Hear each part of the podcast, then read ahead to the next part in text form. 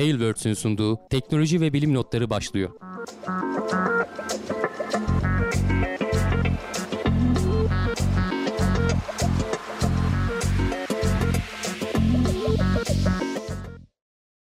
Teknoloji ve bilim notlarına hoş geldiniz. Ben Hamdi Kelleceoğlu. Karşımda Volkan Ekmen var. Her hafta olduğu gibi teknoloji ve bilim dünyasından gözümüze çarpan haberlerle karşınızdayız. Nasılsın Volkan?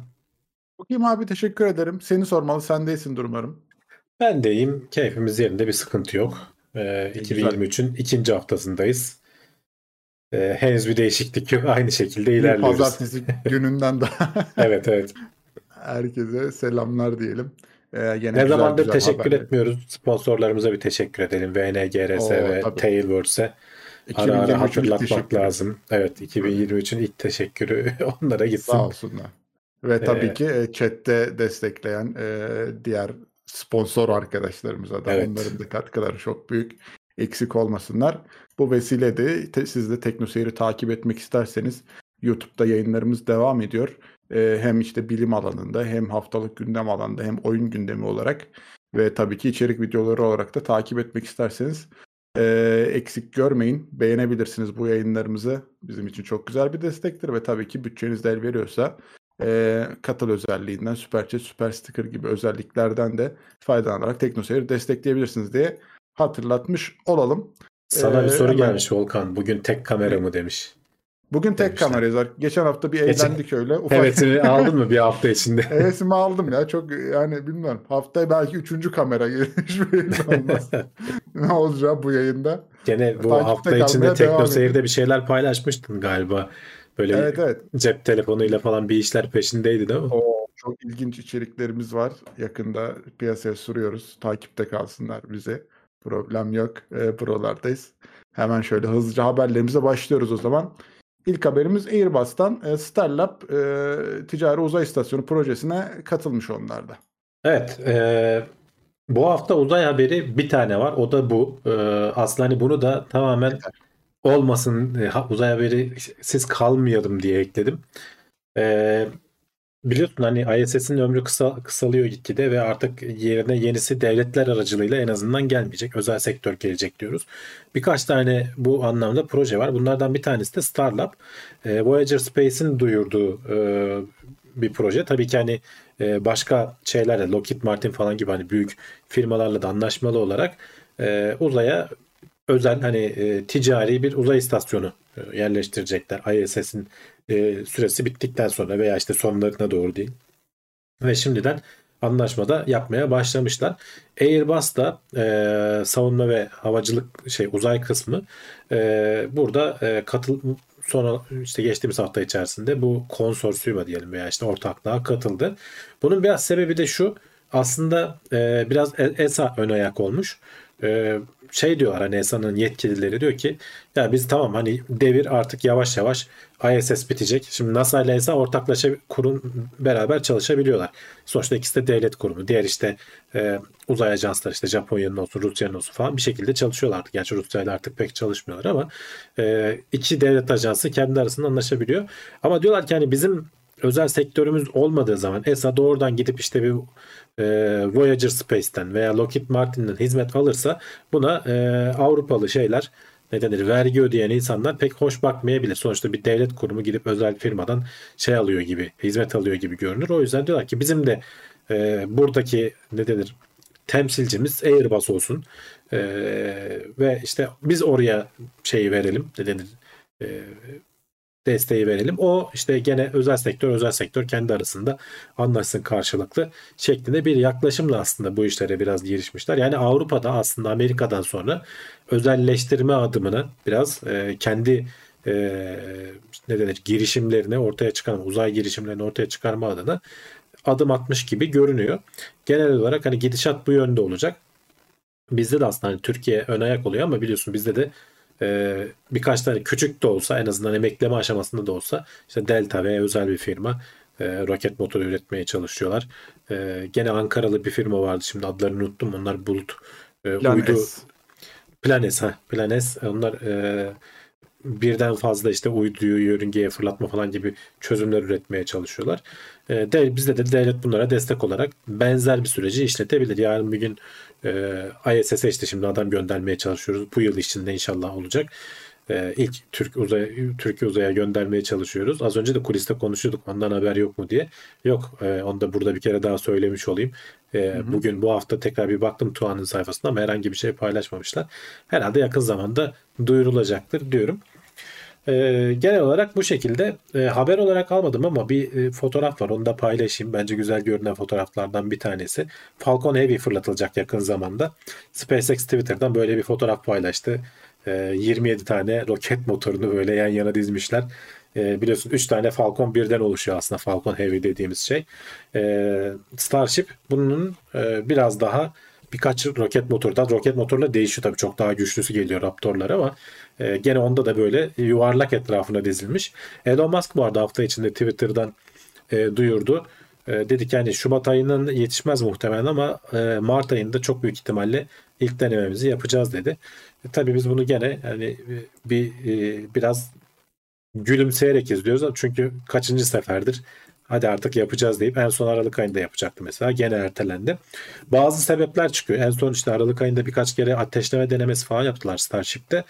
Ee, biliyorsun bir böyle rampanın üstünde duruyor aslında bir ayaklar var ona stage zero diyorlar sıfırıncı aşama o çok fazla o kadar çok şey var ki e, normal roketlerin e, o çünkü tekrar tekrar kullanılacak. Onun üzerine yerleştireceksin. O hem roketi yerinde tutuyor, hem yakıt dolduruyor, hem işte fırlatma esnasında bırakıyor geri vesaire falan pek çok şey yapıyor. O yüzden ona e, aşama sıfır diyorlar. Onun ayaklarının e, Raptorlar o kadar güçlü ki onlardan işte bir 7, 14 tanesini ne ateşlediler en son aynı anda. E, zarar vermiş altındaki o ayak şeylerine. Oradaki çimentoyu falan hani betonlu güçlendirmeye çalışıyorlar. Yüzeyini düzgün kaplamaya çalışıyorlar. E, altına bir işte alev yönlendirici falan koymaya planlıyorlar. E, onun çalışmalarını yapıyorlar. Hani neyle karşılaşacaklarını bilmedikleri için e, biraz parçalamış yani yüzeyini benim anladığım kadarıyla. Oraya bir çözüm bulmaya çalışıyorlar şimdi bir yandan da o çalışmalar sürüyor. Yani yakın zamanda işte onun biliyorsun yakıtların falan olduğu tanklar falan var. Onun önüne bazı setler falan koyuyorlar. Muhtemelen oraya çok aşırı bir sıcaklık falan gitti herhalde. Ee, o çünkü adamlar pek çok sorunu çözmeye çalıştıkları için bu tarz gecikmeler normal ama artık herhalde birkaç ay içerisinde e, bir deneme görürüz diye umuyoruz. Heyecanla bekliyoruz ama tabii hani bunlar da önemli sorunlar. Giderilmesi de lazım işte hani çok dediğim gibi çok ciddi miktarda ısı üretimi var yani. Onun da önüne işte geçilecek bazı önlemler alınması lazım. Ee, bu uzay istasyonu meselesinde de e, yani mantıklı olan evet belki hani böyle bir devlet destekli bir şeyler bekliyorsun. Yani devletin yönetiminde olan bir şeyler bekliyorsun ama artık günümüzde herhalde herkes şeyi kabul etti artık yani bizim aslında baştan beri uyguladığımız yap işlet devlet projesi gibi hani o böyle dışarıdan de, şey destekli e, ticari anlaşmalar destekli bir şeyler yapıp onu kullanıma almak daha mantıklı kalıyor belki yani hı hı. bu gibi durumlarda da. Airbus da orada bir buraya bulaşmış oldu. Ee, iyisini, kötüsünü, artısını, eksini daha sonra göreceğiz. Ee, bakalım neler getirecek karşımıza. ISS'de dediğin gibi çok yaşlandı zaten abi yani. Hani o da ömrünü evet, dolduracak. Evet, ömrünün her sonunda gün, zaten. Her abi. gün her gün. Yani ben artık her şeyi öğreniyorum. Hani her hafta neredeyse ISS ile alakalı bir sıkıntılı haber alıyoruz yani artık. Yani şurası evet. şişti, burası patladı, bir şey oldu diye. Ee, artık hani bitirecekler onu da zaten. Bak Brave bir soru sormuş. Demiş ki çok sayıda motor mu olması daha iyi yoksa az sayıda büyük motor mu olması daha iyi? Hı hı. Yani iki, ikisi de farklı yaklaşımlar. Ee, biliyorsun bu mesela şeyde SLS'te en son işte Aya Artemis aracını gönderenin üzerinde 4 tane mi ne var? 4 tane büyük e, motor ya 4 ya 5 tane büyük motorlar var. İşte Saturn 5 falan da öyleydi. E, devasa motorlardan az miktarda var. E, SpaceX onu tercih etmedi. Hem muhtemelen üretmesi daha kolay oluyor. E, hem de yedeklilik açısından daha avantajlı olur. Yani motorlardan biri bozulursa 33'te bir tanesi bozulmuş oluyor. Veya işte ikisi Hı-hı. bozulursa 33'te ikisi bozulmuş oluyor ama e, o 5 motorun varsa biri bozulduğu zaman 5'te biri gitmiş oluyor. Gene o da düşünülerek yapılıyordur tabii planlı e, bir şekilde yapılıyordur e, o yedeklilik kısmı.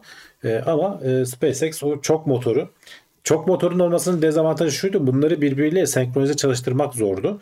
Ama işte hı hı. teknoloji özellikle yazılım kısmı falan geliştiği için bunları sorunsuz bir şekilde en azından Falcon Heavy'de e, sorunsuz bir şekilde çalıştırmayı başardılar. Ki Falcon Heavy aslında 3 tane farklı şeyin bir araya gelmesi. Yani orada 27 tane motor var ama onları senkron çalıştırmak daha da zor. E, Starship'te en azından doğuştan e, çok motorlu bir yapısı var. 30 tane, 33 taneydi galiba Hı hı. ya da 31 taneydi. E, ilk, ilk versiyonları 29 olacaktı. Sonradan mı 33 çıkacaktı, çıkacaktı. Öyle bir şeydi. E, yani onlar en azından doğuştan o şekilde tasarlandığı için e, ve motorlar da çok gene güçlü olduğu için en azından Falcon 1 motor şeylerine Falcon 9 motorlarına göre e, bakalım göreceğiz. İz- Merakla beklediğimiz gelişmelerden biri. Bu yılın belki hani en merakla beklediğim gelişmesi bence. Evet başka bir şeyler aniden önümüze çıkarmazlarsa Evet. evet. merakla bekliyoruz gerçekten. Ee, Ya bu arada çok daha- fazla şey deniyorlar. Yani biz hani adamlar durduk yerde durmuyorlar. Sürekli yakıt dolduruyorlar, boşaltıyorlar, oksijeni dolduruyorlar. Sonra işte e, hidrojen şey metan kısmını dolduruyorlar.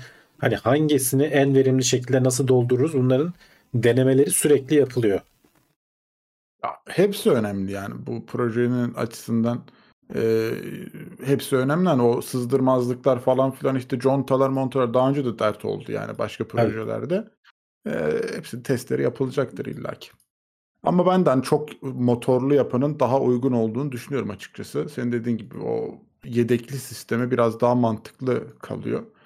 Ee, ama daha önce şey yaşamış mıydık ya bu motorlardan birisinin ateşlenmediği durumlar olmuştu herhalde. Birkaçını çalıştırıldı. Tabii tabii oluyor yani bazen Ha, oldu yani. oluyor Hani ama işte idare ediyor işte. evet. Öbürleri, ha işte öbürleri onun yerini doldurdu işte yani. Güzel çalıştı sistem. Ee, Senkron açısından da bir problem olmadı. Ee, Bence artık günümüz teknolojisi buna evrildi biraz daha. Yani tek devasa motoru yapmanın maliyeti ve argesi daha çoktur diye düşünüyorum ayrıca. Evet bana da öyle onu geliyor. Da, onu da hesaba katmak lazım. Tamam uzay haberimiz bir taneydi bu haftalık. Bakıyoruz devam ediyoruz. Ne varmış şimdi? Kan grubumuz e, genç yaşta inme gecik, geçirme ihtimalimizi etkiliyormuş abi. Kan grubunun etkisi varmış. Evet yani aslında kan grubunu belirleyen gen e, oralarda Hı hı. da etkili oluyor. Yani bunu genetik bir araştırma yapmışlar. Sadece kan grubuna bakmıyorlar. Hı hı. Ee, 17 bin kişi üzerinde 17 bin felç geçirmiş. Ee, 600 bin de felç geçirmemiş kontrol grubu var. Ee, 18-59 yaş arasında dağılan bir e, grubu inceliyorlar. 48 genetik araştırmayı şey yapıyorlar. Bir araya getiren bir araştırma bu.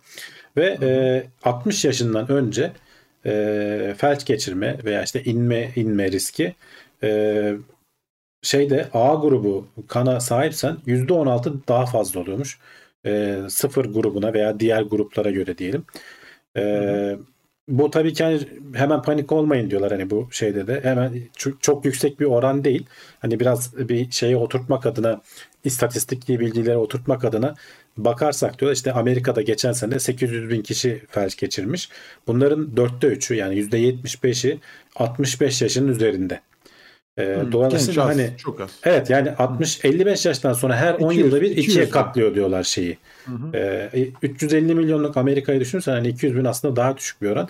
Orada da e, işte senin geçirme ihtimalinin %16 artması çok da bir şey değil. Muhtemelen çok daha e, başka şeyleri riskleri arttıracak daha kötü alışkanlıkların vardır yani. Hani bu bunu Hı hı. sadece şey diye araştırıyorlar. Hani e, o kişilere özel bir şeyler yapmamız gerekir mi? Şunlara dikkat etmek gerekir mi falan diye.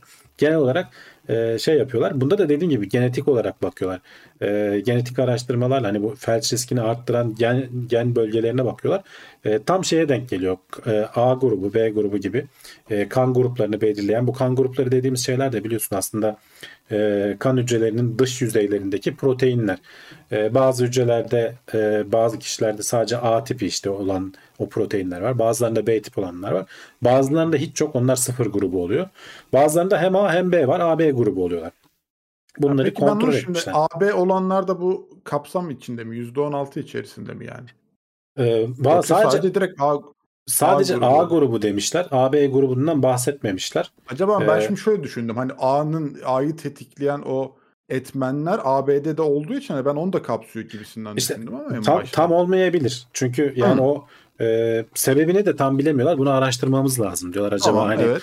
e, o işte şeylerin e, ne denir pıhtı oluşturma yapısıyla mı alakalı, Hı hı. damarların yapısıyla mı alakalı e, şey farklılığını gözlemişler. Ona da bakmışlar. 65 yaş üstü de bir araştırmaları bulmuşlar. Orada da e, 60 yaşından büyük 9300 felç geçiren kişi ve 25.000 geçirmeyen kişiyi e, kontrol etmişler. Burada kan grubunun e, herhangi bir etkisi o etkisi gözlenme, gözlemlenmemiş. Hmm. Yani 60 yaşına kadar olanlarda bir etki var.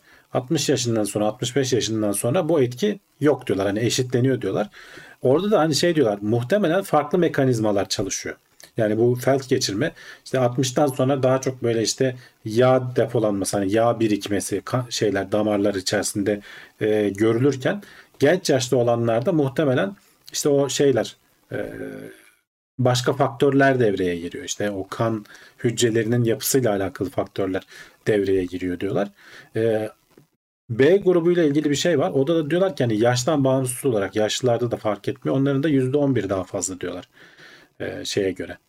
E, normal diğer gruplara göre. Hmm.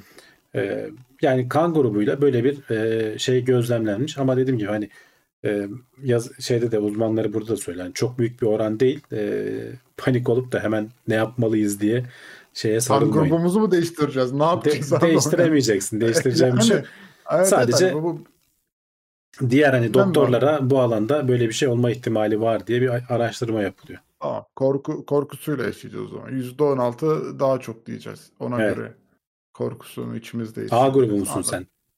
Yok AB'yim de ben yani hani hani Ha. şeyi ama çok hani dediğin gibi çok böyle hani etkisini de sen düzeltebileceğin bir etmen değil ya. Hani o yüzden Değil, biraz ben şey yaptım.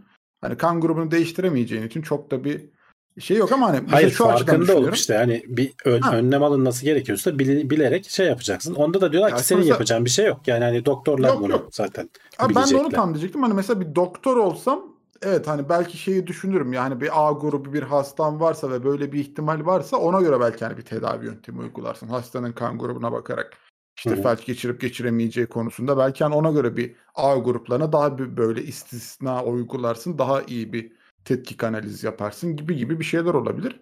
Ama hani bireysel e, olarak çok da bizi böyle kendimizin önlem alabileceği bir nokta olmadığı için açıkçası ee, bir şey de diyemedim. Ama tabii bir etkiymiş, bir araştırmadır. Ee, sonuçta bize verilen ekstra bir bilgi. Güzel. Ee, teşekkür ediyoruz a- araştırma yapanlara. Avrasya'dan itibaren bütün batıda en yaygın kan grubu A demişler. Uzak Doğu'da B, B en yaygın, Afrika'daki ise sıfır demiş Yegenek. Evet Brady demiş ki aslında çok daha çeşitli kan grupları var. A'nın B'nin de alt grupları var demiştir. Evet yazıda da ondan biraz bahsediyor aslında. Ama hani Hı hı. çok ayrıntıya girmemek adına ben şey yapmadım o detaylara Evet. girmedim. Hakan demiş çok yanlış zamanda doğmuşuz. Şöyle 20 yıl sonra doğsaydık keşke medeniyet kardeş ev skalasında ilerletecek bütün gelişmelerin daha tohum aşamasında olmak hem şanslı hem de çok 20 yıl az söyledin yani 100 yıl sonra doğsaydın. ben olsam yani öyle be-. Ne kadar ileride 20 doğsan o kadar avantajlısın. Ama en azından kurulum aşamasında bizim de etkimiz vardı deriz yani. O da önemli. Ona göre herkes Hayır canım Elini taşın altına koysun. işte. Senden önceki 20 yıl önce doğanı düşün. Onlar daha kötü durumdalar yani. Öyle öyle. O yüzden ne kadar e, şey geç doğan, yeni doğanlar en şanslılar. Gitgide iyiye gidiyor. Tabii canım.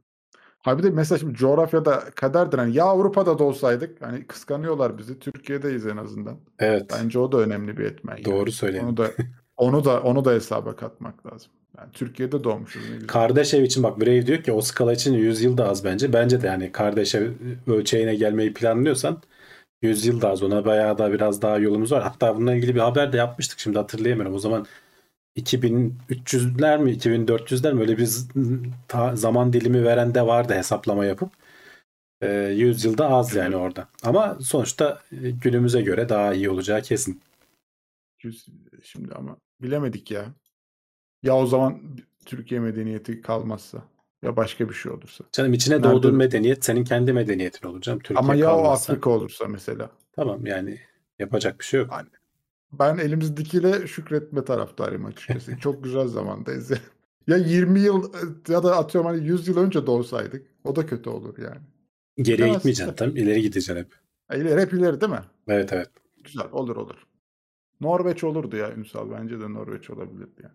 100 yıl Devam önce mesela. Norveç'te de doğsan gene eziyet yani oralarda 100 yıl önce oralarda doğmak istemezsin. 100 yıl öncesi de araştırmadım Norveç'in. Yalan değil bilmiyorum. Evet. Şeyler falan hani Finlandiya, Norveç 100 yıl önce bayağı eziyetli yerler yani. Mi? Evet evet çok bayağı. İlginç abi mesela Japonya'da yani öyle bakıyorsun adamların geçmişine bir de geleceğine bakıyorsun. Değişik insanlar işte azim, irade, çalışma ne demek istersen. Hepsi var. Devam ediyoruz. Devam Bilim et. insanları ilk, ilk kez virüs yiyerek beslenen bir canlı keşfetti. Sadece virüs yiyormuş bu arada. Ee, virüsü bir besin olarak yiyor. Şimdi e, çoğu canlı e, bir şekilde virüs diyor. Biz de yiyoruz. Yani hani işte Covid olurken falan hani elinizi yıkayın falan diye niye diyorlar? Elinden işte ağzına giriyor. Burnuna giriyor falan bir şekilde ve vücuduna almış oluyorsun. Ee, burada da hani pek çok canlı aslında virüs yiyor ama virüsü bir besin maddesi olarak yiyen ilk defa tespit edilmiş. Ee, orada da işte Halterya denilen böyle e, terliksi hayvana e, benzer hani o sınıftan olan bir şey. E, bizim bu li- lisedeki işte biyoloji derslerinde falan gördüğümüz e, tatlı su planktonu diyorlar. Bunu e, çeşitli şeylerde e, virovor deniyor bunlara işte omnivor, carnivore'un işte Türkçesinden etobur, otobur. Buna da virüsovur mu diyeceğiz artık bilmiyorum. Türkçe'ye nasıl geçirilir. E, etçil, otçul, virüsçül de diye, diye söylenebilir. Güzelmiş. Şöyle deniyorlar aslında hani bunun olduğunu da nasıl yapıyorlar? Ee, çeşitli şeylerden e, ne denir tatlı su kaynaklarından örnekler alıyorlar Ee, ve işte o suyun içerisine e, belli miktarda şey katıyorlar ne denir bu işte e, büyük büyük boyutlu virüsler var çok küçük olmayan büyük boyutlu virüsler var ki yani virüslerin de hani bünyesinde aslında hani bir canlının yiyebileceği besinler var diyor e, uzmanlar işte e, yağları içeriyor amino asitler var vesaire falan hani alıp kullanmak isteyebileceği bir şeyler var e, şeyi gözlemlemişler. Bu halterya denilen canlı e, çoğalmış ve miktarları büyümüş. Mesela aynı şeye paramesyum denilen o terlik hayvan dedim ya az önce. E, onu e, koydukları zaman onun şeyi değişmiyor. Onlar da yiyorlar. E, ama onların e, büyüklükleri veya üremesi değişmiyor. Yani dolayısıyla yanlışlıkla bundan besleniyor hayvan diyorlar. Yani e, özellikle bunu yakalayıp bunu yiyecek şekilde değil, bundan besin üretecek şekilde değil. Yanlışlıkla vücuduna bu giriyor bir şekilde suyun içerisinde işte yüzerken. Bu ama halterya denilen canlı tamamen gidip bunlardan beslenebiliyor. Sayılarını arttırabiliyor. Ve bunların hani istatistiki olarak hesapladıkları zaman da bir avcı ve av arasındaki oranları e, bir popülasyondaki dağılımını e, gösterdiklerini görüyorlar. Hani bu da e, bu, bu hayvanın virüs yiyen canlılardan biri olduğunun göstergesi şeklinde e, araştırmaya katılmış. Bunun ne önemi var dersen şöyle şimdi bu e, şimdi bunlar küçük canlılar ama çok fazla var suyun içinde bu canlılardan. Virüslerden de öyle, bu canlılardan da öyle. Bizim işte bildiğimiz karbon döngüleri. Bu virüsler ne yapıyorlar? Bazı canlıların içerisine girip virüsler çoğalıyor ve o canlıların patlamasına neden oluyor. O canlılar patladığı zaman etrafa bir sürü işte karbon vesaire falan hani besin saçıyorlar ve bunlar diyorlar ki karbon döngüsünde önemli bir rol oynayabilir. Dolayısıyla burada bir bu virüsleri avlayan başka bir canlılar varsa işte bu halterya gibi canlılar burada bizim şu ana kadar bu karbon döngüsünde gözlemlemediğimiz bir e, etmen olabilir. Eğer öyle bir şey gözlemleyebilirsek diyorlar bu çok büyük bir e, şey etki etki olduğuna eminiz diyorlar. Çünkü çok fazla var bu canlılardan. Küçük olmalarına rağmen e, milyarlarcası işte belki trilyonlarcası suyun içerisinde yaşadığı için karbon döngüsünü ciddi anlamda etkileme potansiyeline sahipler. Şimdi e, laboratuvarda gözlemledikleri bu etkiyi gerçek dünyada gözlemlemeye çalışacaklar. Hani laboratuvarda da bu arada yediklerinden nasıl emin oluyor dersen o virüslerin e, DNA'sına işte e, özel ışıldayan hani radyoaktif bir şeyler katmışlar. Hayvanların bu halterya organizmalarının bunları yedikten sonra ışıl ışıl yandığını gözlemlemeyi başarmışlar. Yani onları alıp Güzel. yiyip bayağı e, vücutlarına şey olarak katıyor hayvanların Besin olarak şeyleri tüketiyor. besin olarak. Aynen. Vücutlarının yapı taşı haline getiriyor. Sayılarının çoğalmasını vesairesinin yanında bu bu da e, şeylerden biri. E, Yani virüs yerken virüs seçiyor mu acaba hani onu da merak ettim mesela ben. Hani farklı türdeki Farklı tür yani burada ondan bahsetmemiş. Burada tek bir canlı türü ve tek bir virüs Evet. türünden bahsetmiş. Ondan Daha doğrusu herhalde. e, klorovirüsler deniyor. Yani tek bir virüs türü değil de birden fazla virüsü seçiyor muhtemelen ama hani belki biz belli bir sınıf, belli bir büyüklükteki virüsleri falan seçiyor olabilir. tercih ediyordur. Ee, ama dediğim gibi hani şu an laboratuvarda gözlemlenen bir süreç bu. Bunu doğada da e, sonraki aşamalar diyorlar ki doğaya da gidip bakacağız. Böyle bir şey oluyor var mı? Varsa bunun işte dediğim gibi karbon döngüsüne etkisi nedir? Bunları da ayrıntılı olarak araştırmak lazım diyorlar. Yani şey merak ettim acaba böyle bir virüsel hastalığın tedavisinde falan kullanılabilir bir ilaca dönüştürülebilir mi diye düşündüm. Hani eee, acaba diye bilemiyorum. Hani insan Zannetmiyorum. vücuduna insan Bilmiyorum. vücuduna bir zararı mı var mı başka bir şey ya da ortamda bulunmasının bir zararı var mı gibi gibi. Vardır muhtemelen. Hani o tarz böyle parazit Muhtemelen, aslında evet. hani vücudumuza aldığın Ha? zaman sana parazit etkisi yapıp e, zarar verebiliyor bazıları. Hepsi Evet, evet. değil. O yüzden hani Dolayısıyla hani bunu bir insan için şey anlamında bu virüslerin de bu arada insana zararı olan virüsler de değil yedikleri zaten muhtemelen. Hı hı. Hani insan için etkili olacağından değil daha çok olaya işte dediğim gibi bu karbon döngüsü vesaire ve işte canlılar arası etkileşim mantığıyla bakıyorlar. olabilir. Gezen virüs yiyordur demiş. Organik virüs arıyor değil mi? Yerken onu seçiyor. Ağız tadını Virüs, biliyormuş. virüsle doyulur mu demiş Onur Bektaş. İşte doyuyorlar ve hatta çoğalıyorlar yani sayıları bile artıyor. Balinalar planktonla besleniyor ya. Evet Adam yani düşün. Daha- Yani koca, daha koskoca balina değil mi yani? Evet evet. Ama neydi? Geçen hafta orada konuştuk. Kaç? 12.4 kilo plastik mi yiyordu? Kaç? Şaşırmıştık ya. 40 kilo muydu? Evet evet. 40.8 miydi? Evet acayip bir Plastik rakamdı yiyormuş değil mi? ya. yani? Hay- hayvan günlük. Yani 40.8 kilo öyle bir şeydi yani yanlış olmasın 40 kilo civarıydı. Yani düşünsene ya adam besin döngüsünde plastik var hayvanın ya garibim. Biz de yiyoruz da azından o Biz kadar de yemediğimizi yiyoruz. düşünüyorum. Oranlamak lazım. Belki belli olmaz. Belki de oranlarsak e, balinalardan daha Olabilir, çok plastik yiyor çıkabiliriz. Ama hani hayvanın mesela sadece hani 40 ton plastik hani yediği yemeği düşünemiyorum ya şu an hani. Bütün gün ağzı açık geçse kaç tane plankton yiyecek bu hayvan? Kaç kilo plankton yiyor acaba? Hani merak ettim. İlginç. Plankton familyasını bitirmiş. Balinalar. Virüs en son canlı kabul ediliyor mu demiş. Biyoloji aldığımda en son arada kabul ediliyordu. Canlı kabul ediliyor. Canlılık için bazı gerek şeyleri metabolizması olmadığı için virüsün kendine ait başka canlıların metabolizmasını kullanıp kendisini kopyalıyor. Dolayısıyla bizim bildiğimiz anlamda canlı olarak kabul edilmiyor. O yüzden hala canlı değil virüsler.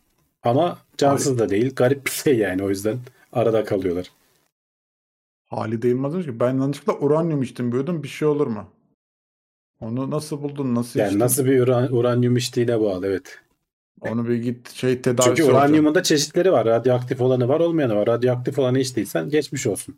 Geçmiş. Bir Gay- Geiger sayacı mıydı? Bir Evet, değil mi? Böyle tıkır tıkır tıkır şöyle bir midene doğru tut. E- ediyorsa tedavi uygulanması gerekir. Bir de uranyum sıvı bir şey değil galiba. Katı bir şey ama hani böyle tozunu mozunu karıştırıp falan şey yaptıysan. Yani geçen hafta ışımasını e, konu ettik yani.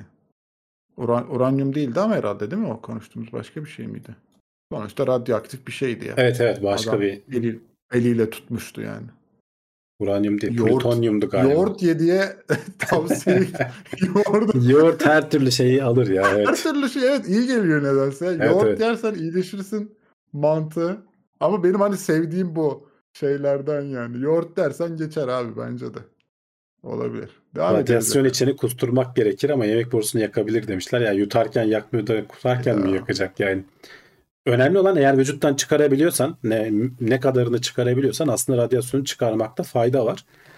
Ee, Hmm. Ama e, şey yani o arada mutlaka parçalar kalacağı ve oradaki hücrelere sürekli radyasyon verip DNA'yı bozacağı için kanser e, riskini falan çok ciddi anlamda arttıracaktır. Şeyleri falan hatırlarsanız bu Ruslar zamanında e, bir İngil, İngiliz casusuydu galiba yanlış hatırlamıyorsam adama plütonyum mu ne içirmişlerdi. Kurtuluşu hiç yok yani. Bir kere vücuda girdiği zaman e, hastanede öldü gitti adam ondan sonra. Gerek yok. Yoğurttan zehirlenen adam ne yapmalı demiş. o da tam tersi uranyum çivi, çivi çiviyi söken. Yani başka yapacak bir şey yok. Yoğurttan zehirlenilmez ya. Var mı yoğurttan zehirlenen? Küflense müflense hani. Yok Acaba evet yani de. çok küflü haliyle falan hani yersen belki Evet, yoğurttan zehirlenmen bayağı zor. Sakıncalı. Devam ediyoruz efendim. Romalıların yaptıkları binaların nasıl bu kadar sağlam olduklarını artık biliyoruz. Ee, izleyicilere de anlatalım abi. Nasıl yapıyorlarmış? Şimdi adamlar binlerce yıl önce yaptıkları bazı binalar, e, kullandıkları çimento teknolojisi falan hani Romalıların pek çok teknoloji anlamında ileri gittiğini biliyoruz ama çimentoyu e, yaygın bir şekilde kullanıp onu böyle e, büyük yapılarda kullanıp işte 2000 yıldır hala e, günümüze kadar başarılı bir şekilde getirmeyi başarabilen bir e, kavim diyelim artık. Tabii ki bilim insanları hala araştırıyorlar yani nedir bu e, adamların sırrı diye.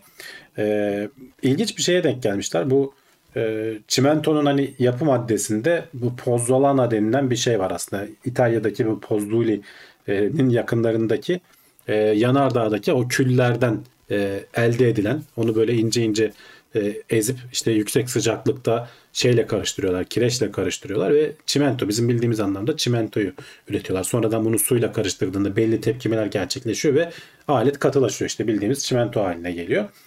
E, bunu e, hem yapış teknikleri anlamında şey gözlemliyorlar. Hem 2000 yıldan beridir ayakta kalan yapıların şeylerini incelemişler.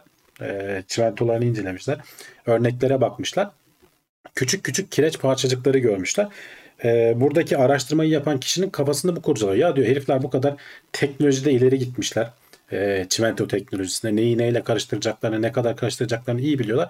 Az daha karıştırsalar bu küçük e, kireç parçalarını tamamen kaldırabilirler. Hani e, normalde ne düşünürsün? Bir şey böyle topaklanmış kalmışsa yeterince karıştıramamışlardır diye düşünürsün. Ama öyle değil. Öyle olmadığı ortaya çıkıyor. Biraz araştırdıkları zaman e, bu adamlar kireç parçalarını özellikle ürettikleri yani sıcak karıştırma yöntemiyle ürettikleri zaman bu küre, küçük kireç parçacıkları oluşuyormuş. E, betonda çatlaklar olduğu zaman ki illa çatlaklar oluyor. İşte sıcak soğuk e, dönüşümlerinden dolayı çatlaklar oluyor ve sonrasında bu çatlakların arasında su sızlıyor. Su sızdıktan sonra tekrar donduğunda biliyorsun genişlediği için iyice çatlakları genişletiyor ve bir yerden sonra ufalanıp gidiyor. E, betonun hani en büyük sıkıntısı budur. E, o çatlaklara su sızdırmaman lazım. Şimdi bu küçük kireç parçacıkları yüzey alanı büyük olduğu için çatlaklar genelde bu kireç parçacıklarına gelip duruyorlarmış ve su sızdıktan sonra bu kireçle etkileşime giriyor ve o e, oluşan çatlaklardaki su kireçli bir su haline geliyor. Kurumaya başladığı zaman çatlaklar otomatik olarak kendi kendine kapatılmış oluyor, sıvanmış Aynen. oluyor. Kendini Adamlar tamir ediyor. kendini tamir ediyor. Hakikaten kendini tamir Güzelmiş. ediyor. Ee, Evet. ve tekrar hani o bir kere o donduktan sonra tekrar aynı yere de su gelmiyor. Yani otomatik çatlağını tamir eden beton yapmışlar gibi.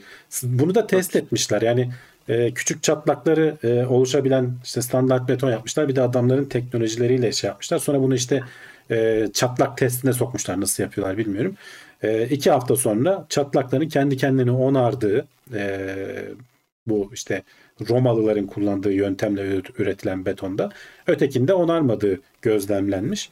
Dolayısıyla yani olay e, kötü karıştırma değil. Adamlar bilinçli olarak bir şeyleri yapıp e, muhtemelen bir gözleme dayanarak e, şeye uyanmışlardır onlar da işte bu çatlakların arasına su girip sonradan donduğu falan şeyine uyanmışlar demek ki. Böyle bir teknolojiyi hayata geçirmişler. Biz de 2000 sene sonra e, şeye bakıyoruz. Araştırıp E, bulmuşuz. araştırıp ha lan bu adamlar bunu bu yüzden yapmışlar Güzel, muhtemelen güzel yapmış diye. deyip buluyoruz. Bu arada hani bundan bağımsız ama biraz da alakalı bu bu hafta Twitter'da mı ne gördüm? Ee, şu anda dünya üzerinde kullanımda olan en eski yapı İzmir'de e, Kervan Köprüsü mü ne? 3000 yıllık yani milattan önce 850 yılında yapılmış. Hala aktif olarak kullanılan en eski yapıymış. Ee, doğruysa tabii ben Twitter'da bunu gördüm. Bu da bana ilginç geldi. Yani e, mesela piramitler daha eski ama kullanımda değiller. Ee, Hmm. Öyle düşünürsen. Yani hala kullanımda olan üzerinden insan geçen işte o zamanlar kervanlar, develer falan geçiyormuş demek ki. Ee, hala da e, aktif olarak kullanılması bence çok şaşırtıcı. Hiç bilmiyordum Çok mesela yani bunun daha 3000 çok böyle.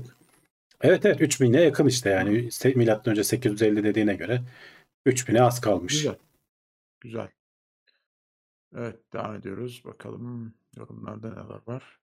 Mahmut Yalçın zaten haberi anlatırken yanardağ külü kullanıyorlarmış diye eklemiş ama çalışmış gelmiş bu hafta derslere. Ne güzel. Deniz kumu kullanmamışlar demiş. Yandaş müteahhite vermeyenmişler diyen var. Yandaş müteahhit yapmadıysa. Evet evet.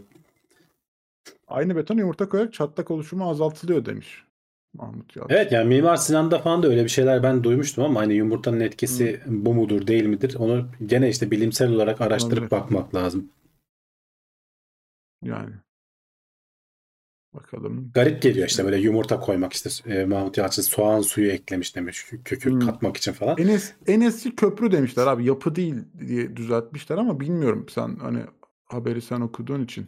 En eski yapı yani kullanımda olan en eski yapı da deniyor bilmiyorum hani e, ben Hı. öyle okumuştum belki yanlıştır. Kullanımda olması önemli aradaki hani o fark o. Şimdi birey farklı bir yorum getirmiş. Piramitler mezar olduğuna göre içinde ceset olduğu sürece kullanılıyor sayarım demiş. Mantık. Ya o evet e, ama aktif olarak kullanılmıyor. Adam orada ölü Ya ölmüş şimdi yani. bize burada adam. Mısırlıları savunma kardeşim. İzmir'deymiş işte. E, İzmir'de evet. Kendimize yontalım He, biraz. Bizden yani. Tabii canım boş ver şimdi ya. E, Ondan sonra. Baklava iki farklı demek gibi bir şey oldu şimdi senin. Kabul etmiyoruz bunu. İzmir'deymiş arkadaşlar savunun. Dart Evet. demiş ki biraz da tereyağı koyacaksın mis. Sonra kötür kötür yiyeceksin. Değil mi? Hayır ama bizde hani kapı yiyenler falan var ya abi o piramidi koymazlar öyle tereyağlı yumurtalı Değil mi? şeyle. Lan bu Ayasofya'nın yani. tadı da Adamlar- iyiymiş diye. kapı, kapı, ekmeksiz kapı yiyor adamlar ya. Hani boş verin abi öyle olmasın. Yumurta yumurta bize ters gelir.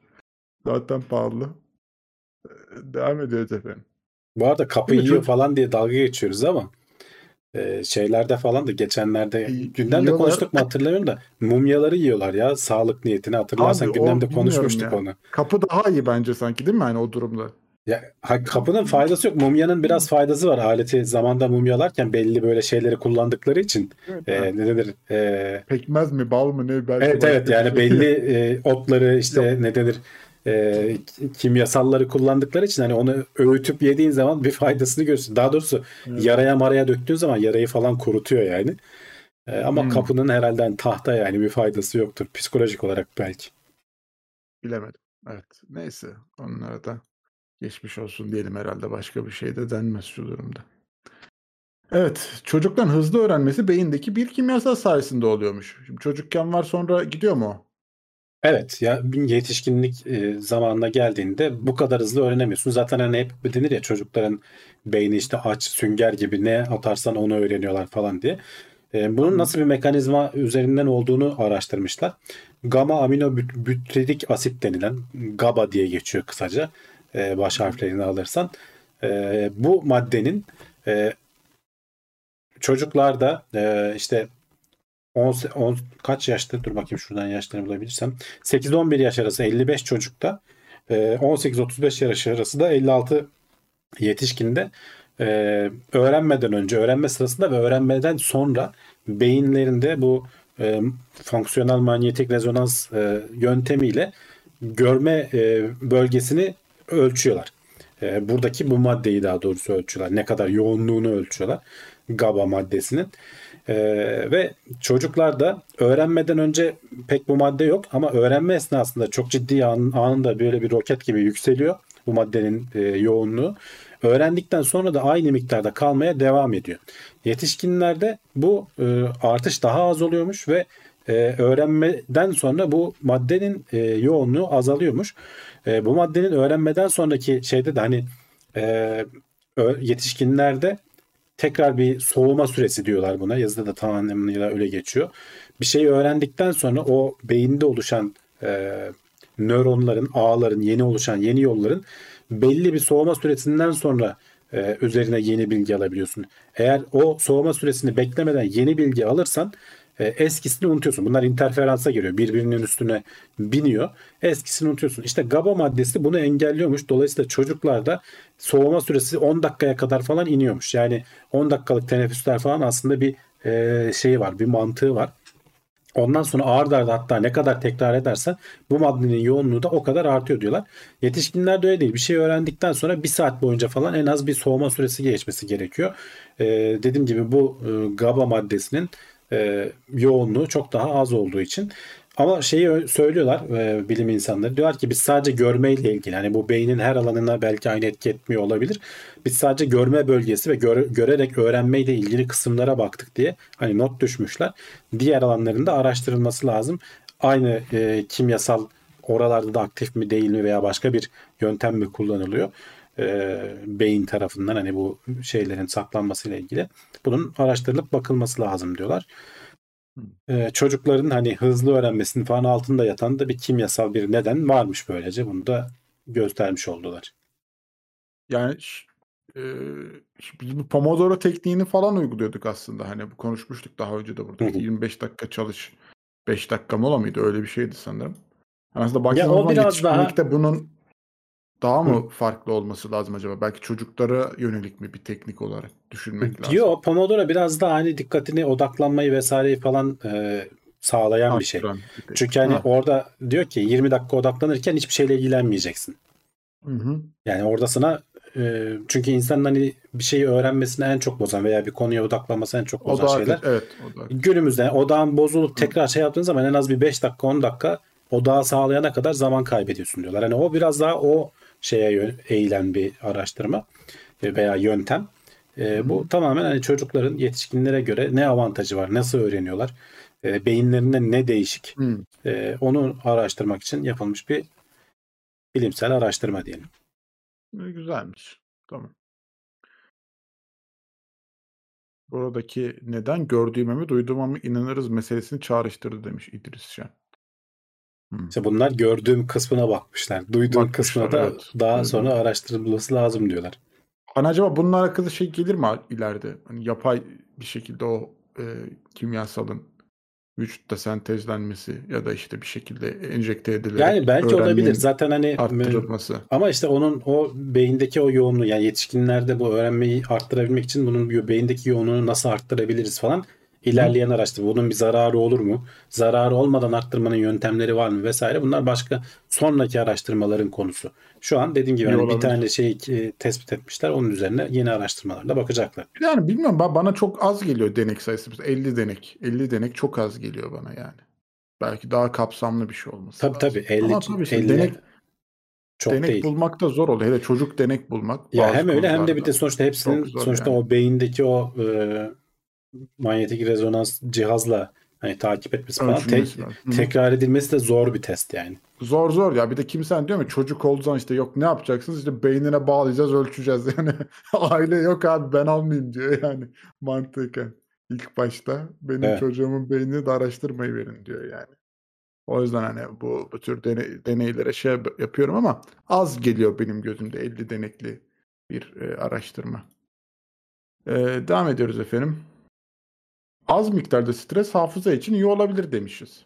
Geçen haftalarda da aslında stresin e, bir şeyleri öğrettiğine dair Evet yorumlamıştık. yani Bunda burada e, aslında çok bilinmeyen bir şey değil. Hani tekrar bir araştırmaları desteklemiş gibi bir şey olmuş burada.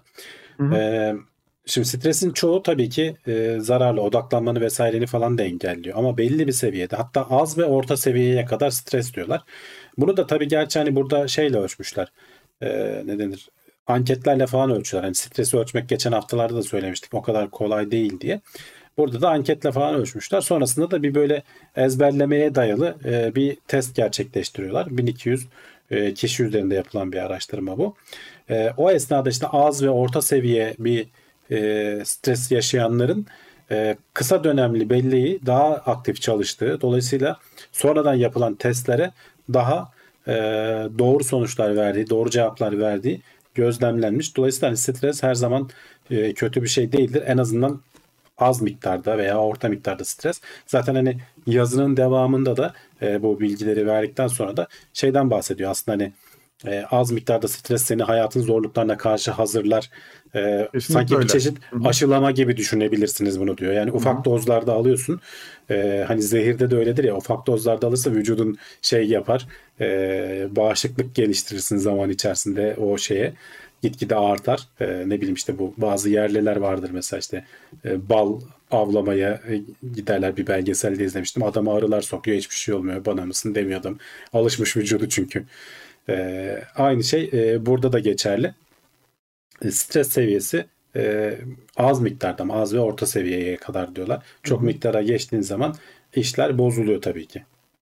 Ya öyle kesinlikle öyle. Hani ben kendi gözlemimden de kendi özlemimdeki gözlemden de hani stresli e, olmanın bazı avantajları oluyor. İşte beynin bence daha hızlı çalışmasını kesinlikle sağlıyor. E tabii Yani adrenalin vesaire falan gibi başka hormonları da salgılayabiliyorsun. Azıcık hani stresin olması lazım ki Öyle öyle. e, biraz heyecana gelip biraz da odaklanmanı falan da sağlıyor işte belli ki. Kesinlikle öyle yani çok daha hızlı oluyorsun. Vücut fonksiyonların belki çok daha hızlı çalışıyor. Hem beyinsel olarak hem vücut fiziksel olarak daha hızlı çalışıyor. Çünkü bir tane hayatta kalma dürtünü de biraz tetiklemiş oluyor benim gözümde. Hani öyle şeylere de etkisi var. Sonuçta bu stres e, altında olduğun zaman hani o işlerimi bir an önce bitireyim ya da işte şunları şunları şöyle yaparım gibi gibi Eee, birçok etkisi var ama tabii, yani, işte, fazlası da bazen insan kaldıramayacağı yükleri üstüne biniyormuş hissini getirip, eee, hepsinin, bir anda sıfırlanmasına ya da, işte, öfke patlaması gibi bir etkilerle doğurabiliyor. İşte, stres yönetimi de orada önemli bir etmen.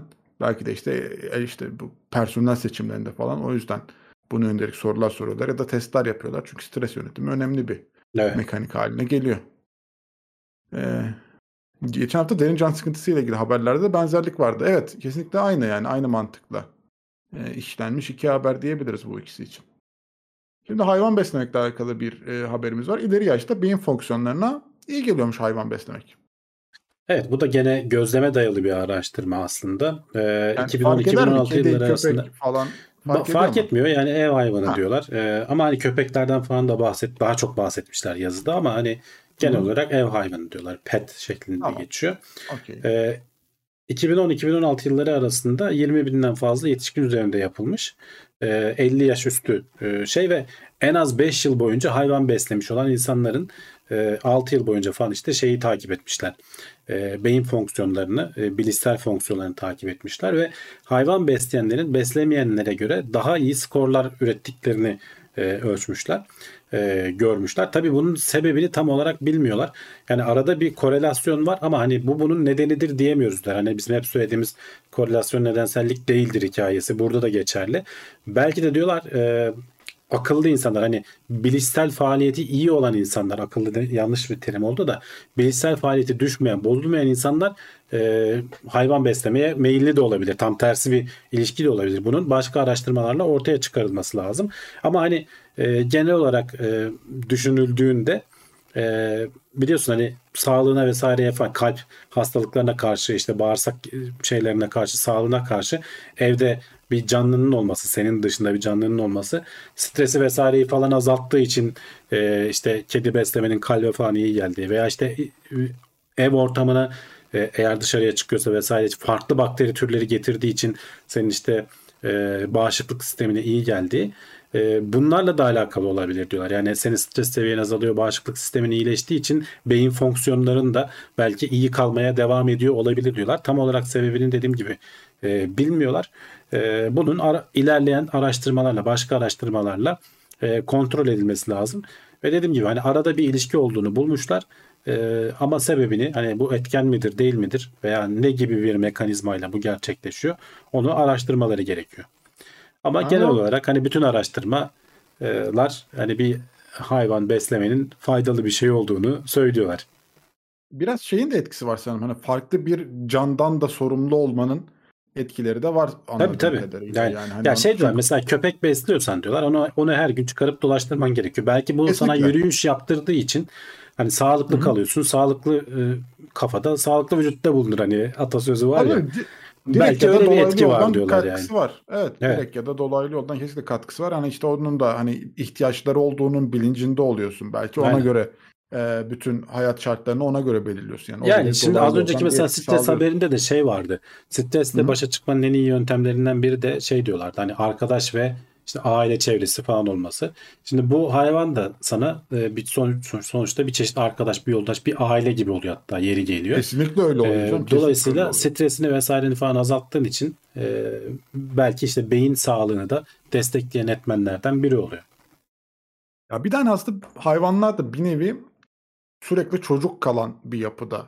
Eee, hani, çünkü baktığın zaman, işte, derdini anlatabileceği, bir konuşabileceği bir noktası yok. Hani, çocuk dediğin bazen büyüyor, işte, düştüğü zaman ağlıyor, ona göre, eee, bir şeyler söylüyor ya da, işte, şuram ağrıyor, buram ağrıyor diyebiliyor belki ama, işte, hayvanda o da olmadığı için belki biraz daha sen, eee, dikkatli davranıyorsun onun nezdinde, onun çıkarlarını düşünebilmek adına. Hani, bunların hepsinin ekstra bir getirisi, eee, vardır kesinlikle. Eee, çok daha fazla dikkat ediyorsun. Yani, ben de köpeğim Kenan Yılmaz demiş ki ancak demiş ancak mama fiyatları sürekli arttığı için yeni bir stres kazandık. Evet, yani Güzel. Güzel eee, bir yaklaşım. Evet. öy öyle bir, eee, yan etkisi de var Türkiye'de. Mecburen, mecburen. Ama, işte, görüyorum çoğu kendi boğazından kısıyor, ona harcıyor yani. Onu kesinlikle şey yapmıyorlar. Ona en iyi mamayı alıyorlar. Etli metli. Evde tavuk yiyor.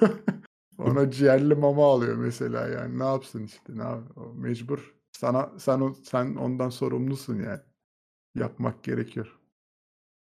Kediler çok şapşik. Var öyleleri. Bakalım. Başka neler var? Mama fiyatları arttığı için kedimin adını masraf koydum. Güzel. güzel. Güzelmiş. Evde kalmış gacıların çocuk hasretini gideriyor. Ha o da güzelmiş. Muhabbet kuştan yemi bitmek üzere. Yem fiyatlar demeyin. Ya bence muhabbet kuşlarının yemi o kadar şey olmaması lazım. Ne Kedi kadar yiyebilirler diyorsun, tüketiyor. kuş Aynen yani. yani. Kuş kadar yiyordur. kuş kadar yiyen hayvana da şimdi şey yapmayalım yani. Bilemiyoruz tabii. ya hayvan belki- büyüdükçe tabii şeyi artıyor. Köpekler falan daha çok yiyorlar. Kediler de nispeten azdır canım. yani. Ha, köpeğin Bilmiyorum hani. türüne, cinsine göre bile değişiyor abi. Yani Tabii, tabii kaç canım. kilo yeni var yani. 18, 18 tane. E, diyor. tamam o, o zaman Oo. 18 tane On- kuş bir kedi küçük çaplı bir köpek boyutunu e, karşılar. 18 kuş da iyiymiş ya. Benim bir tane kuzenim de öyle öyle çok severdi muhabbet kuşu da. Hepsine ayrı ayrı ilgi gerekiyor. Kuş daha da bir böyle ilgilenmen gereken bir hayvan yani. Evet. Hani daha küçük doğum yaptığı zaman ona göre tedavisi var. Bilmem ne damlası var. Göz damlası ayrı bir şey ayrı. Gaga taşı ayrı. Kolaylıklar diliyoruz o zaman. Ee, bakalım. Bilim alanındaki yenilikçilik azalıyormuş abi. Niye? Bence gayet güzel gidiyorduk. Şimdi bilimsel araştırmalarla ilgili ilginç bir araştırma aslında. Tamam. Ee, 1945 ile 2010 yılları arasındaki 45 milyon e, bilimsel makaleyi yıkıcılık skoru diye bir şeye e, tabi tutmuşlar. Aynı zamanda 76 ile 2010 yılları arasında Amerika'da alınmış patentleri. Gene 3.9 milyon patent varmış. Bunları da gene yıkıcılık skoru diye bir şeye dahil etmişler. Yıkıcılık dediğinde şöyle bir şey kendinden önceki gelen anlayışı ne kadar değiştiriyor. Yani ne kadar disruptive deniyor ya artık hani disruptive teknolojiler işte e, ne bileyim işte kendinden önce gelen bir şeyi tamamen yok etti, değiştirdi. Yapıyı değiştiriyor. Ne denir? Şeyi değiştiriyor.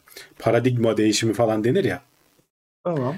Ee, böyle makalelerin e, nasıl ölçmüşler dersen de şöyle bu tarz makaleler yayınlandığı zaman e, sonraki 5 yılda kendinden önceki makalelere olan atıfı ciddi anlamda düşürüyor.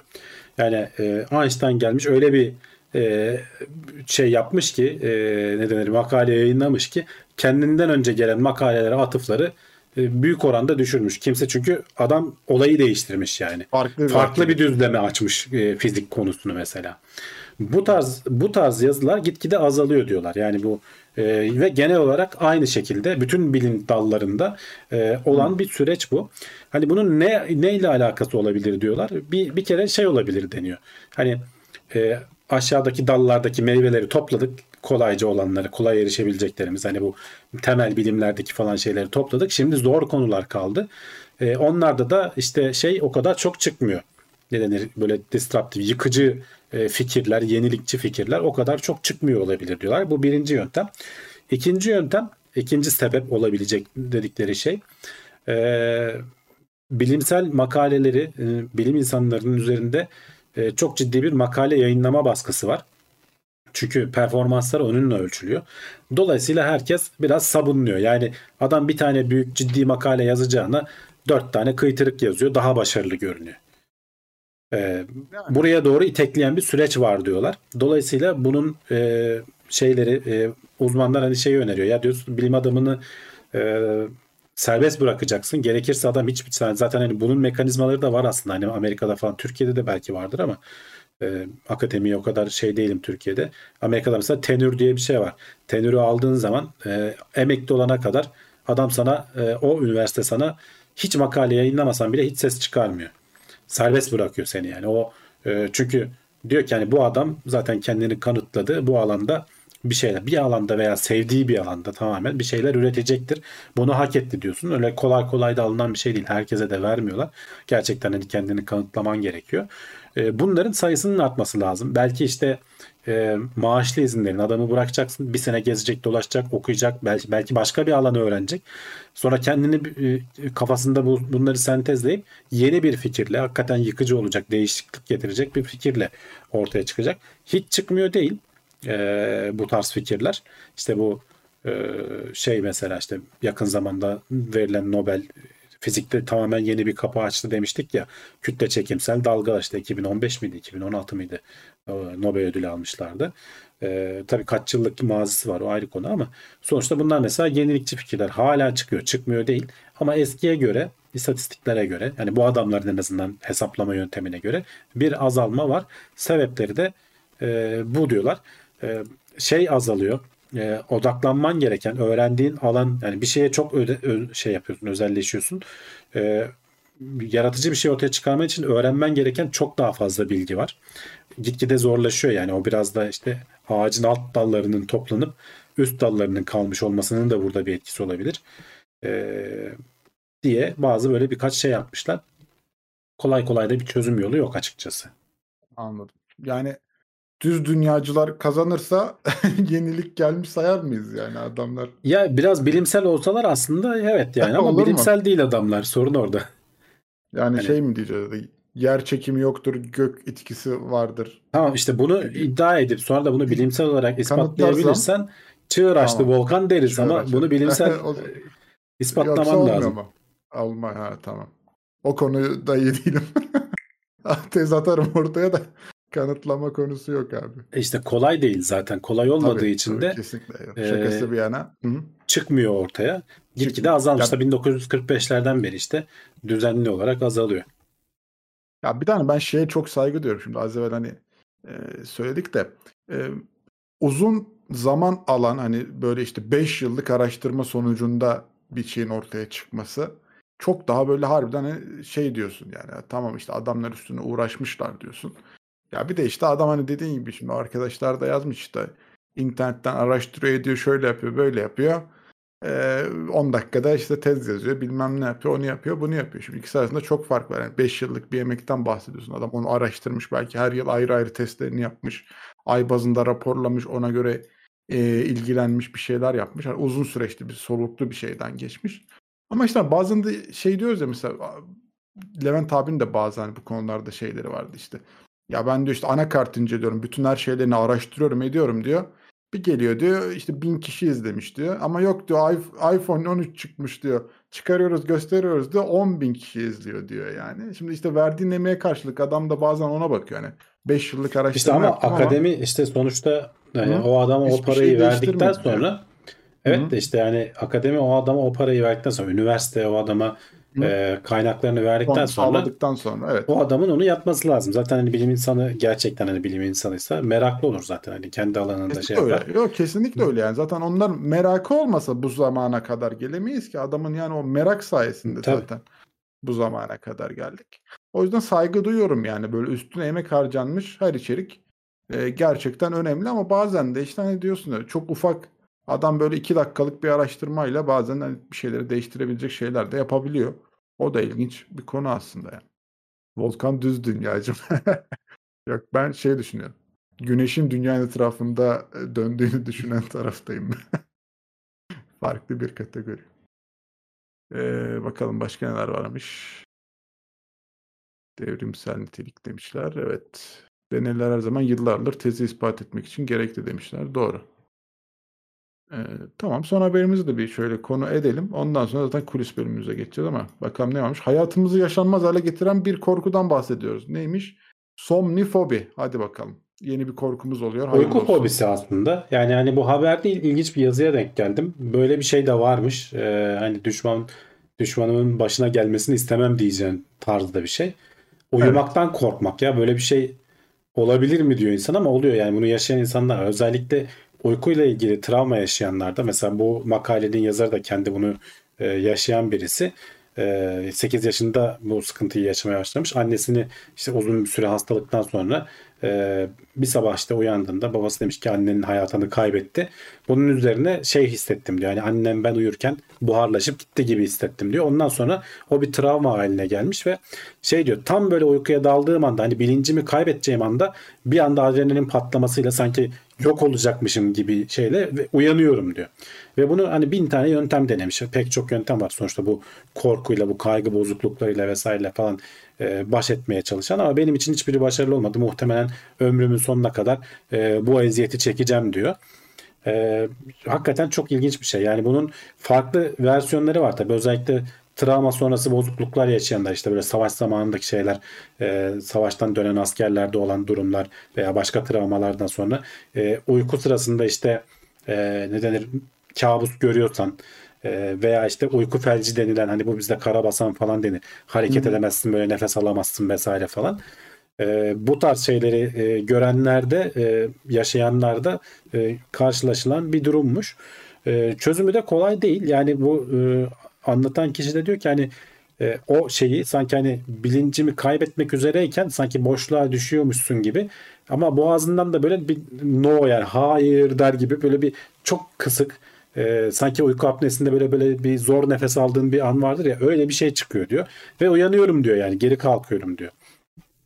Çok dertli bir şey. Hani uykusuzluk değil bu başka bir konu. Tabii ki sonucu uykusuzluğa çıkıyor. Evet, evet, yok. Yani uyu- uyuyamıyorsun uykunun da- yani sonuçta Evet, ama uykunun ne kadar önemli bir mekanik olduğunu düşündüğü zaman harbiden hani kimsenin başına gelsin istemeyeceğim bir şey ya. Evet, evet kesinlikle istemeyeceğim bir şey. Yani her şeyde Hı hı. denemiş. Meditasyon yapmaktan tut da işte çeşitli böyle e, kognitif bilişsel davranış terapisi falan denilen e, psikoterapi yöntemleri falan var. Onların hepsini denemiş. E, ben de diyor başarılı olmadı. Belki başkalarında başka korkularda, başka kaygı bozukluklarında falan başarılı oldu ama bende olmadı diyor. E, meditasyon falan da yapamıyorum diyor veya e, çünkü hani benim durumumda da ekstra diyor. Yani e, bilinçli olarak bilinçsizliğimin farkında olmam lazım gibi böyle garip bir durum var diyor. Yani e, onun bir sorun olmadığını e, kendimi ikna etmem lazım. Çünkü bu tarz böyle terapilerde hani sana o korktuğun şeyden küçük küçük kontrollü dozlar halinde veriyorlar. Bir yerden sonra korkmaman, korkmadığını kendi kendine buluyorsun. Yani onun dozu gitgide arttığı için kontrol edebiliyorsun en azından kaygını, stresini diyelim. E, burada öyle olmuyor tabii. Çünkü yani uyuduğun zaman bilincini kaybediyorsun. E, o onu bilinçli olarak bilincini kaybetme diye bir şey yok yani. Zaten zorluğu orada işin. E, muhtemelen diyor bunu hiçbir zaman çözemeyeceğiz diyor. Yani e, meditasyon falan gibi yöntemler de işe yaramıyor diyor. E, ilginç bir yazıydı. Hani dediğim gibi kimsenin başına gelmesini istemeyeceğim bir durum. Ya zor zor bir e, durum dönem işte geçici kalıcı ya da bilemiyorum ama e, hani günümüzde bunun aslında ufak versiyonları hani sabah erken uyanma uyanmam gerektiği zaman uyanamama korkusuyla uyuyamama yaşadığım zamanlar oluyor. Yani uyumaktan korkma denebilir mi bilmiyorum ama sabah uyanabilir miyiz korkusu. Ee, insanı yorar, Ya yıpratır şey yani bile gerçekten. kötü düşünsene. Ö- şey söylüyor. Ölmeden önceki diyor son düşüncem diyor korku olacak diyor. Çünkü hissedeceğim diyor Evet. hani e, oraya şey yaptı. Zaten hani herkesin belki hani ölmeden önceki son şeyi korkudur ama bunun Öyle. bütün hayatı boyunca yaşadığı şeyi son an, son anımda da yaşayacağım diyor. Bir de şey var ya yarınla yüzleşmeden dolayı uyuyamamak. Hani Evet. ertesi gün olacak bir şey varsa ona, Olmasın diye. onun olmaması için uyumamak. Hani o da ciddi adamı yıpratan gene buna benzer verebileceğimiz içeriklerden ki yaşayanlar da vardır da. Karabasan evet belki hani bizdeki tabirle karabasanı yaşayanlar olmuştur. İki gün bir durum. inşaatta çalıştır fobi mobi kalmaz demiş Hüseyin. Ya muhtemelen hiç uyumuyor değil. Zaten hiç uyumasa yaşayamaz muhtemelen. Ya Ee, ilaç tedavisi falan da aldığını düşünüyorum hani ama tabii Ya doğru şey bir- kalmadı diyor. O ilaçtan falan yani- bahsetmemiş ama denemediğim şey kalmadı de- demiş. E, muhtemelen ilaç vesaire falan her şeyi denemiştir yani. Stres seviyesini azaltıcı ilaçlar vesaire falan onları zaten bu tarz şeylerde deneniyor. Art demiş ki sabah mutlaka erken uyanmam gerekiyor. Sabaha kadar 50 kez uykum bölünüyor. İşte o da çok e, insanı gene yıpratan şeylerden biri. Evet bu da son haberimizdi aslında. Çay bitenler Evet. çaylarını tazeleyip gelsin. Niye? Çünkü kulis bölümüne geçiyoruz. Soru, cevap, sohbet, muhabbet orada devam edecek. Araya öncelikle sponsorlarımız gelecek. Hemen ardından buradayız. Evet. Benim çayım bitmedi ya. Yandan hemen tazeliyorum bittiği zaman. Aa ne güzel. Termosu olanlar Evet. biz de su içelim ne yapalım. Ertesi gün yola çıkılacaksa gelen mide ağrısı dünyanın en kötü hislerinden olabilir. Of o da zor ya. O da zor. Volkan sana yazılımı sorup duruyorlar. Ee, Kurtulamayacaksın. yazılım yazılım inşallah chat bana zorla öğretecek bu gidişle.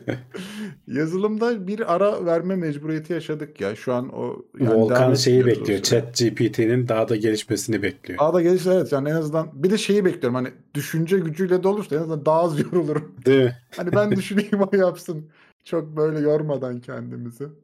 Ya biraz yani bu bunun arkasına saklanmak istemem ama zamansızlık yüzünden ben ara vermek zorunda kaldım. Yani bazı şeyleri öncelikli plana koydum hayat şartlarında. O yüzden aslında. Yoksa çok eee eee, yoksa Bak Egemen. E- Egemen kurtarmış yani. Geçen sene başladım şimdi çalışıyorum o yüzden sordum demiş. Ne güzel, ne güzel. Ne Bak, güzel, hani vallahi ben- güzel yani. Benle beraber başlayan bazı arkadaşlar da vardı. Umarım hepsi istedikleri noktalara ulaşmışlardır.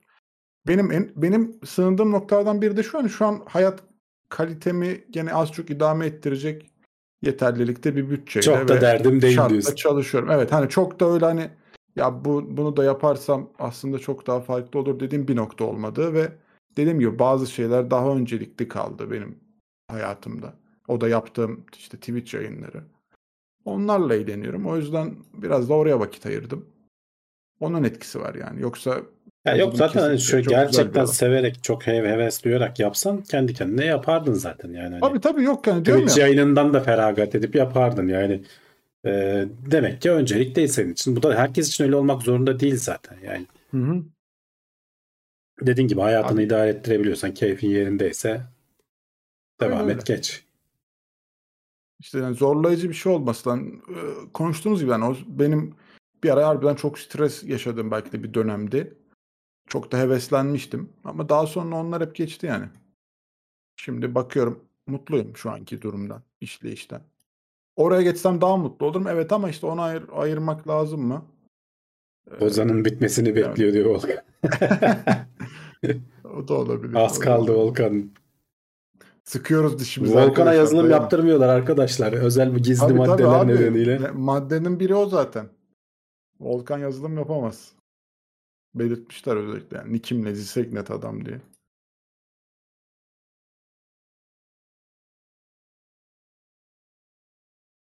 Evet. Hiçbir Var mı arkadaşlar evet. sorular? Geç değil ya. Evet. Yani o bizden geçti demesin kimse. Meraklıysa her türlü yaparsın. Murat Bulat 33 aydır üyemiş. Gene TeknoSeyir Plus grubuna gelmiş. Teşekkürler demiş. Bizden de. Teşekkür ederiz Teşekkürler biz de. desteğin için. Eksik olmayın. Ne. Yazılımda ne demiş? Hiç hevesim olmayan şey yazılım demiş Hüseyin. Bilmeyi çok isterdim ama bu saatten sonra kafama girmeyeceğinden eminim. Ya belli olmaz. Yani hani korkulacak bir şey yok ama hevesin yoksa da problem değil dediğim gibi hani bu Öyle öyle. şeye dönmesin yani herkes yazılımcı olacak e, iticiliğine dönmesin. Ya bu arada hani şunu da söyleyeyim ben hani biraz şey lanse ediliyor işte yazılımcılar öyle hayatlarını çok iyi yaşıyorlar, şöyle yapıyorlar, böyle bir şeyler diye ama hani çevrenizde belki hep iyi örnekleri duyduğunuz için mesela ben bir iki tane çok kötü örnek duydum. Hani adam yazılımcı ama ne emeğinin karşılığını alıyor, ne çalışma saatleri düzgün. Hani O yanlış şirkette sıkış- yazılımcı. Ha, ama işte hani şey değil yani bu hani her yazılımcı böyle al abicim bütün şirket sana çalışıyoruz şeyiyle de yapmıyorlar yani. Hani belki evet, orada da karşınıza zorluklar çıkacak. Belki hani şu an onu yaşayan da biri varsa iyi örnekleri de var, kötü örnekleri de var gene her alanda olduğu gibi. Onu da dikkate almakta fayda var yani. Hayatta bir ilerleyiş adımı. Hepsi birer adım yani. Bunları hep üst üste koyup Oğuzhan Aydın lazım. hobi olarak kodlama öğrenmek mantıklı mı? Mantıklı tabii. Senin keyif verdikten sonra İşte hobi hocam, olarak hobi ayrı bir şey. Hobi, Hobi ayrı şey. olarak da öğrenebilirsin. Hı hı. Onu sonra baktın işine geliyor, güzel gidiyor. Mesleğe Profesyonel olarak da yaparsın aynen. TOG'lar ne zaman yollarda demişler. Mart'ın sonu diyorlardı en son. Değişmedi herhalde. Bakacağız. Onu ben çok takip etmedim. Alamadığımız şey, şeye demedik. Brave Yani de yo- arada yollarda 33 görelim o ayrı konu. Hani bir çıksın Tabii. dolaşsın gerçekten bir incelemelere girsin. Ö- Önce Evet. şeylerdi değil mi? Bu işte devlet e, kurumlarının Ö- Yok önce onlara vermeyecekler. yani. Şey duyurdular Ha. yanlış hatırlamıyorsam. Ee, ilk e, 2023 arabaya mı ne işte Cumhuriyet'in 100. yılı 2023 arabayı açık arttırmayla mı ne özel olarak satacaklar sanırım. Ee, Oo, herkese açacaklar. Ee, bulduk da. evet yani hani e, öyle bir şey duyurdular geçenlerde ben yanlış hatırlamıyorsam. Ee, Dolayısıyla hani ilk devlet kurumları falan değil. Tabii ki ilkini Cumhurbaşkanı'na verdiler zaten. Hani o, o bir sembolik bir şey. O ayrı da bir numarayı hani Cumhurbaşkanlığına verirsin yani. Ama hani onun dışındakiler şey olacak. Açık arttırmayla falan. Ee, işte o açık arttırmalar falan da internetten olacak herhalde. Nasıl olacak bilmiyorum. Bakarız. Brave 33 aydır üyeymiş. Mega destek grubuna gelmiş. Ee, ben de yazayım böyle canım çekti demiş. Eyvallah kesine bereket. Teşekkürler. Canı çekenler Brave gibi yazabilir. Yazabilirler. Abi örnek alabilirsiniz. Brave adamı. Ee, bakalım. Hamdi Kenan abi Yılmaz. de benim için büyük bir örnek de demiş Egemen bu yazılım işiyle alakalı. Ee, senin adın abi. Ne güzel. Gençlere yazılımda öncü oldun ya. Senin senin sayende başlayan Evet, çok adam var ama. Sağ olsunlar. Güzel canım işte diyorum ya o yazılımcı olup da şey yapanlar gerçekten hani oradan meslek olarak bir şeyler alanlar sevindiriyor beni. Ülke için de iyi çünkü. Gidişat o tarafa doğru. En azından bir dönem boyunca hani bu yapay zekalar gelip de iyice bizi geçene kadar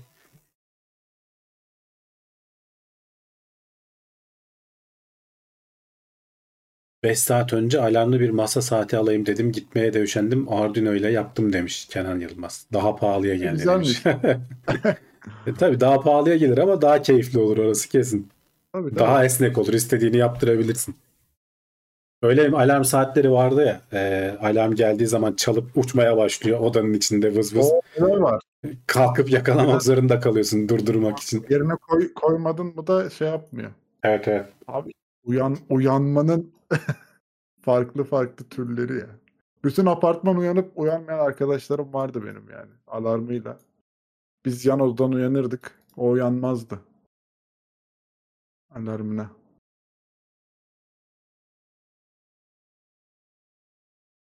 Ee, Özgür Matiloğlu demiş ki yapay zeka ve veri bilimi yan dalı var okulumda. Bunun hocasıyla konuştum. 8 aylık sürede CS50X eğitimiyle Python öğrenmemi söyledi.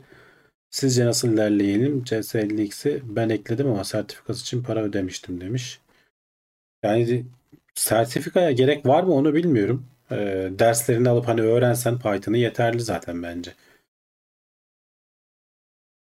Ben sana bunu ilk başladığım zaman sormuştum. Hani Hamdi Evet, abi senin önüne birinin e, CS50X sertifikası olarak gelse senin gözünde nasıl bir etkisi olur diye. Ya Sen çok bende da- etki etmez yani Evet, çünkü çok da etki etmez ben demiştin. işe alırken e, soracağım soruları sorarım ona göre e, şey yaparım yani hani sonuçlarına bakarım. E, Ama hani şeyi de söyleyeyim ben CS50X bence gayet güzel bir öğrenme e, tabii tabii o ayrı yani. İşte Hani eğitimi onu- mutlaka yapın ama hani Hı hı. illa sertifikasını alacağım diye kasmanın bir alemi yok. Alırsanız iyi olur hani ekstra bir e, CV'de şey olur. Bir de sertifika avcıları var ya böyle her şeyi koyan. Onlar çok hoşuma gidiyor ya.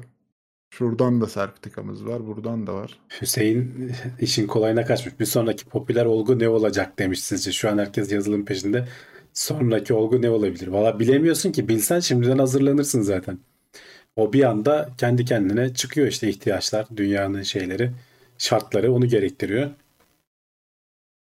Ya şimdi aslında hani illa yazılımı öğrenmeye de gerek yok. Fikrin varsa yazılımı yazacak birilerini bulup onu paraya çevirebilirsin. Hani bu da bu da bir yöntem yani. Hani bizim var öyle iş fikri olan arkadaşlarımız.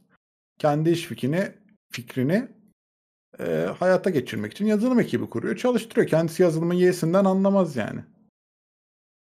Yazılıma Python'da başlamayı düşünüyorum. Python sonrası PHP kodlamaya geçmek ne kadar doğru? Zaten sunucu sistemleri ağırlıklı WordPress gibi çalışma yapıyorum.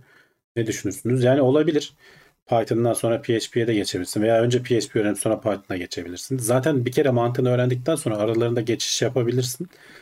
Genelde PHP biraz böyle küçük görülür yazılımcılar arasında, geliştiriciler arasında ama öyle değil yani. Dünyanın internet altyapısına e, can veren en önemli dil yani şu anda. Ama işte böyle Python'cılar falan biraz küçük görür. Ben öyle ben öyle düşünmüyorum açıkçası. Evet CS50X kodluyoruz da Türkçe altyazılı olarak var. 2018 versiyonu muydu? Öyle bir şey. Ya da 2020 versiyonu emin değilim. İngilizcesi de ücretsiz ama sadece sertifikasını almak için ücret ödemeniz gerekiyor. Yoksa o eğitim ücretsiz. İlerleyen zamanlarda yapay zeka ile ilgili sorularımı sorabilir miyim? Sen sor Özgür, bilirsek yanıtlarız. Biz olmasak belki şeyler yanıtlar, akıştaki arkadaşlar yanıtlar. Ama çok teknik sorarsan benim de yazılım tarafında o kadar hani yapay zekanın o kadar ayrıntısını bilmiyorum.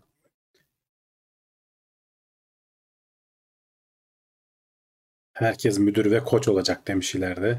Evet yani insanlık ister istemez öyle şeylere kayacak. Yani çünkü bizim işlerimizi daha iyi, daha hızlı, daha ucuza yapay zekalar, robotlar günün birinde yapabilir hale gelecekler. Biz de o zaman işte böyle sanata, eğlence sektörüne, işte koçluktu bilmem hizmet sektörüne kayacağız.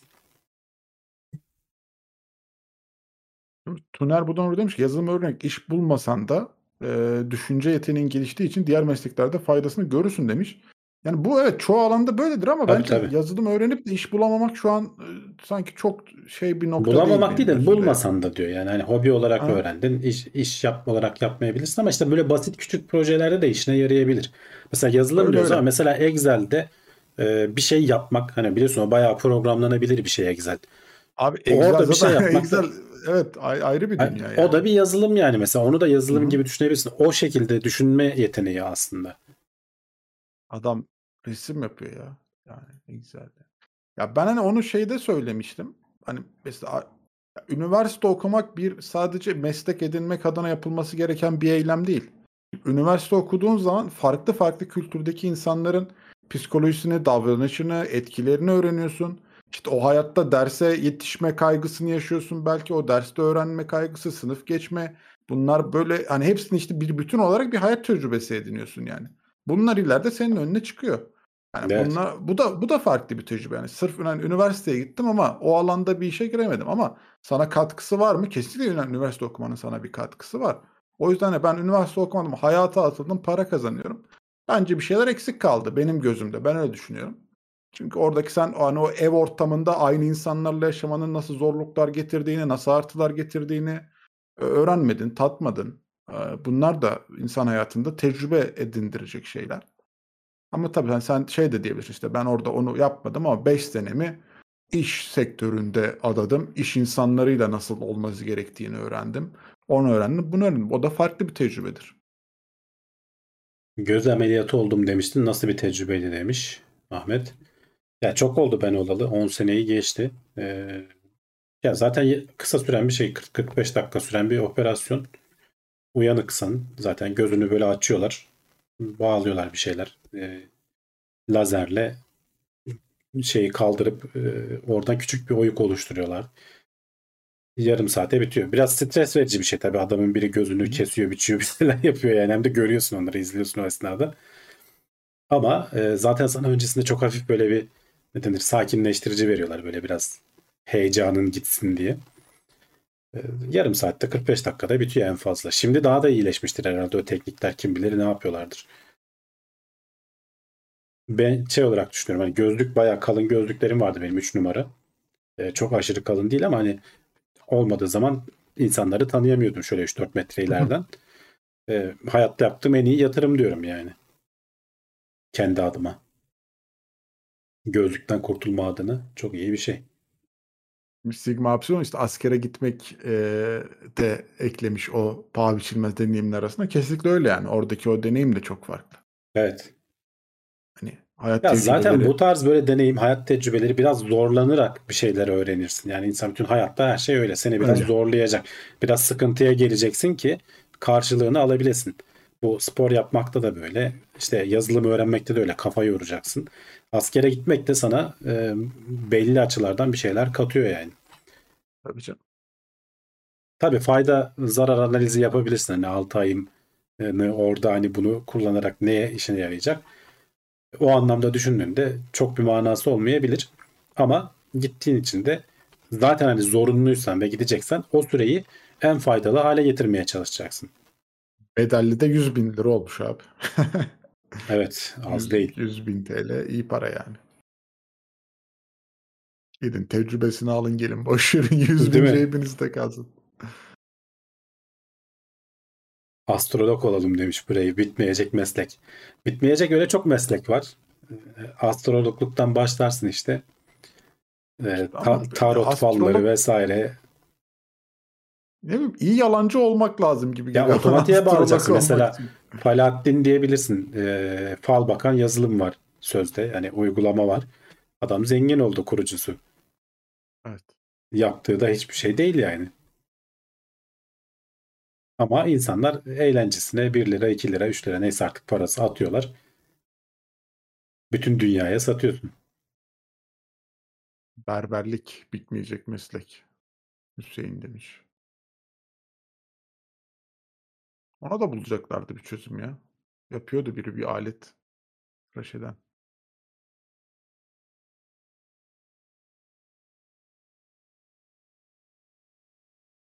Özgür gene şey sormuş. Bir sorum daha olacak demiş. 25 yaşındayım. Bazı sebeplerden elektrik elektroniği bırakıp işletmeye geçtim. Birinci sınıftayım. Şu an toparladım. Yapay zeka ve veri bilimi yan dalı alıp daha sonrasında yapay zeka mühendisliğine geçip geçsem mühendisliğine bitirip geçsem mantıklı olur mu? Ya çok okula kafayı takma. Okul sana bir şey öğretiyorsa bir faydası var. Ee, piyasaya hani çalışmak için düşünüyorsan e, çok daha fazla gecikmeden bence piyasaya dönük bir şey yap. Yani asgari ücretle de olsa gir bir firmaya destek ol. Orada öğrenirsin gerçek anlamda bir şeyi. Okulda sana teorik şeyleri öğretiyorlar.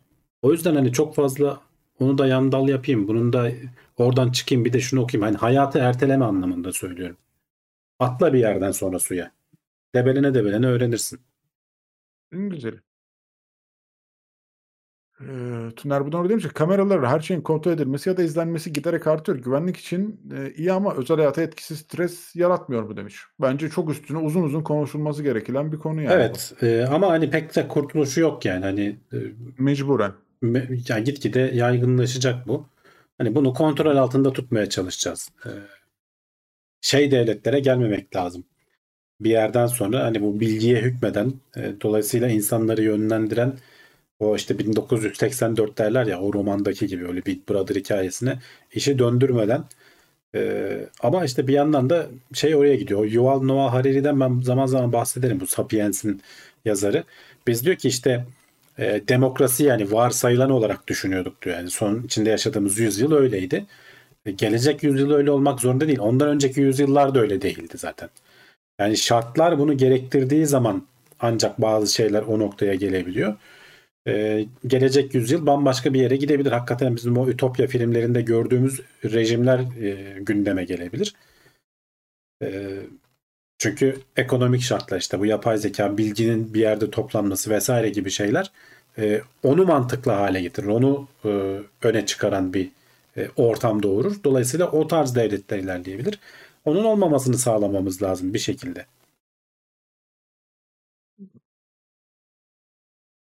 Ee, Ya bireysel olarak hani şey de hani bugün işte Google sesimizi dinliyor diyoruz. Ona göre reklam çıkarıyor diyoruz ama işte o ses dinlemeyi de istiyoruz bir yerde. Niye?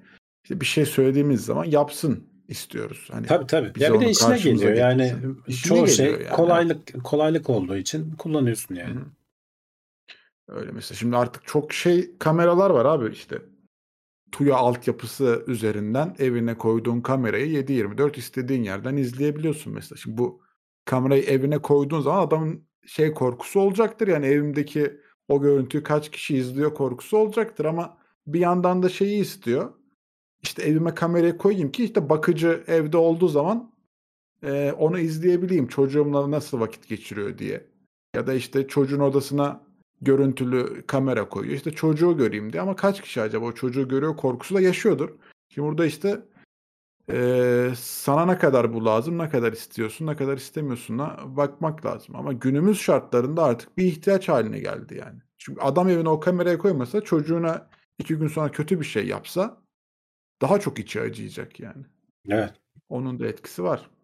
Ama tabii ki yani ben eee, mesela Dark demiş ki evde mutlaka kamera olmalı ya demişim. Ben de yani kendi yaşam döngüme baktığım zaman evimde kamera olsa çok tedirgin olurum yani. Anladın mı? Hani kaç kişi beni izliyor o an? Evet. yani. Şey söyleyeceğim bak bu az, az önce şeyle ilgili aklıma e, bir konu geldi. Bu yapay zeka vesaire falan bu aralar çok gündemde. Yazılım anlamında o, o kısımdan bahsediyorum. İlla ondan olmak zorunda değilsin. Yazılımın bir sürü dalı var, bir sürü kolu var. İşte frontendçi olabilirsin, backendçi olabilirsin. Yapay zeka kısmı sıkıcı gelebilir. Hani oraya odaklanıp kalma. Ee, Özgür'dü değil mi arkadaşın ismi? Evet Özgür. Özgür'e söylüyorum yani bir yandan.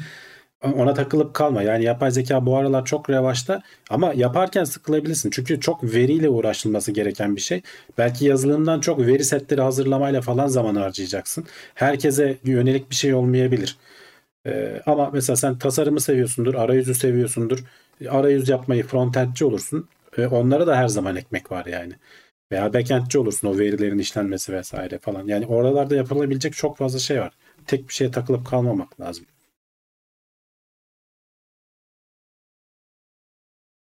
Arabada kamera işi evet biraz daha public olduğu için e, Yeni arabalarda var da. işte zaten istemesen de Var, artık yeni nesil arabalarda oluyor. Ama şimdi mesela geçen haftalarda robot süpürgenin bir kadını tuvalette çektiğine Ya o dair biraz e, şey e, Haberler okudun mu bilmiyorum. Evet haberler çıktı da o biraz böyle şey danışıklı dövüş. Yani firma e, o robot süpürgeyi üreten firma şey yapıyor. Tamam. Belli sayıdaki robot süpürgenin üzerine kamera yerleştirip fir, insanlara ücretsiz gönderiyor. Yani anlaşarak tabii. Diyor ki bak bu sizi Hı. çekecek.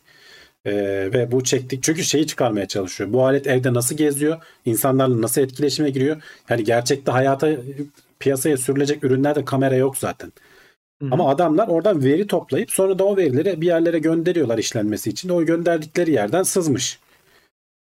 Yani e, şeyler e, o robot süpürgeyi kullanan insanlar üzerinde kamera olduğunu biliyor ve kendilerini sürekli çektiğini biliyorlar aslında. Yani biz biraz böyle e, medyada gaz gaza getirici başlıklar atıldı işte sizi çekiyor da her robot süpürgede kamera yok zaten. Böyle bir şey yok yani. Yok O- da çoğu lidar lidar sensör işte yakın. E, hay pahalı da anlamsız da yani. Adamlar sadece onu dediğim gibi veri toplamak için ve o süpürge nasıl geziyor işte hayvanlarla insanlarla nasıl etkileşime geçiyor bunun to- datasını almak için ve sözleşme imzalayarak dağıtılmış şeyler yani. Hı. İnternete sızmaması lazım mıydı? Evet. Nasıl sızdı o ayrı konu. Hani alt yükleyicilerden biri muhtemelen o fotoğrafı paylaştı. Yani çok büyük bir orada güvenlik hani böyle gaza getirdiği gibi bir şey yok orada. Olay yok orada. Bak e, Yaşar Aktepe demiş ki her çağın mesleği girişimcilik. Çok riskli ama ölümsüz meslek tabii. Doğru. Meslek de denmez. O bir kafa yapısı yani.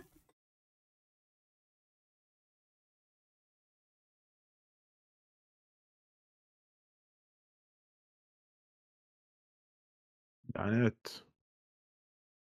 Üzerinde kamera olanlar da var. Nesneyi tanımak için bakmadan o Vardır, kullanım koşullarında vardır. muhtemelen o görüntüler işlenince yazıyordur. Kesinlikle yazıyordur. E, Kameralı olanları almayın abi bu kadar basit yani. Evet. Kapatalım mı yavaştan? Saat geldi. E gidelim ya haftaya da geleceğiz ya. Farklı farklı haberler, farklı farklı konular diye düşünüyoruz açıkçası. Yapay zeka kaçmıyor bir yere diyorsun. Kaçmıyor. Ee, sağ olun. Ee, takip edin, izleyin, beğenin, paylaşın. Teşekkürler. Haftaya görüşmek üzere. Hoşçakalın. Kendinize iyi bakın. Hoşçakalın.